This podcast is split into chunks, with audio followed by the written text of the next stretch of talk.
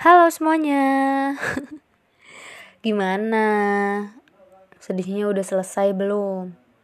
Atau masih hmm, Masih nyelesain suatu masalah yang Orang-orang yang terlibatnya Gak nganggap itu masalah? Ya sakit kan? Kenapa sih masih diingat?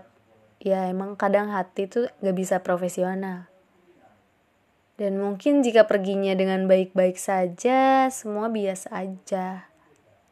Ya tapi bukan berubah menjadi benci yang teramat dalam.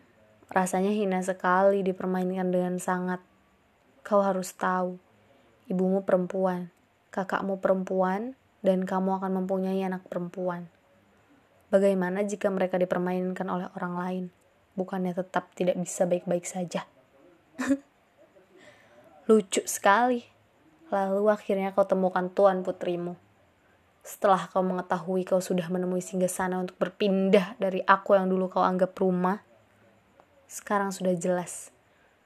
Tidak ada lagi yang perlu saya tunggu. Selamat, selamat.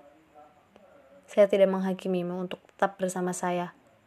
Walaupun klasik, namun prinsip saya, kalau udah bahagia kenapa harus dirusak?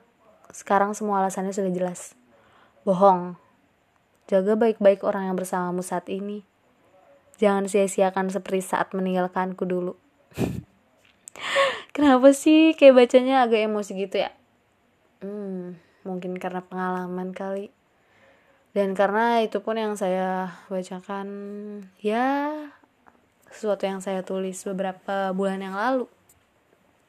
Hmm.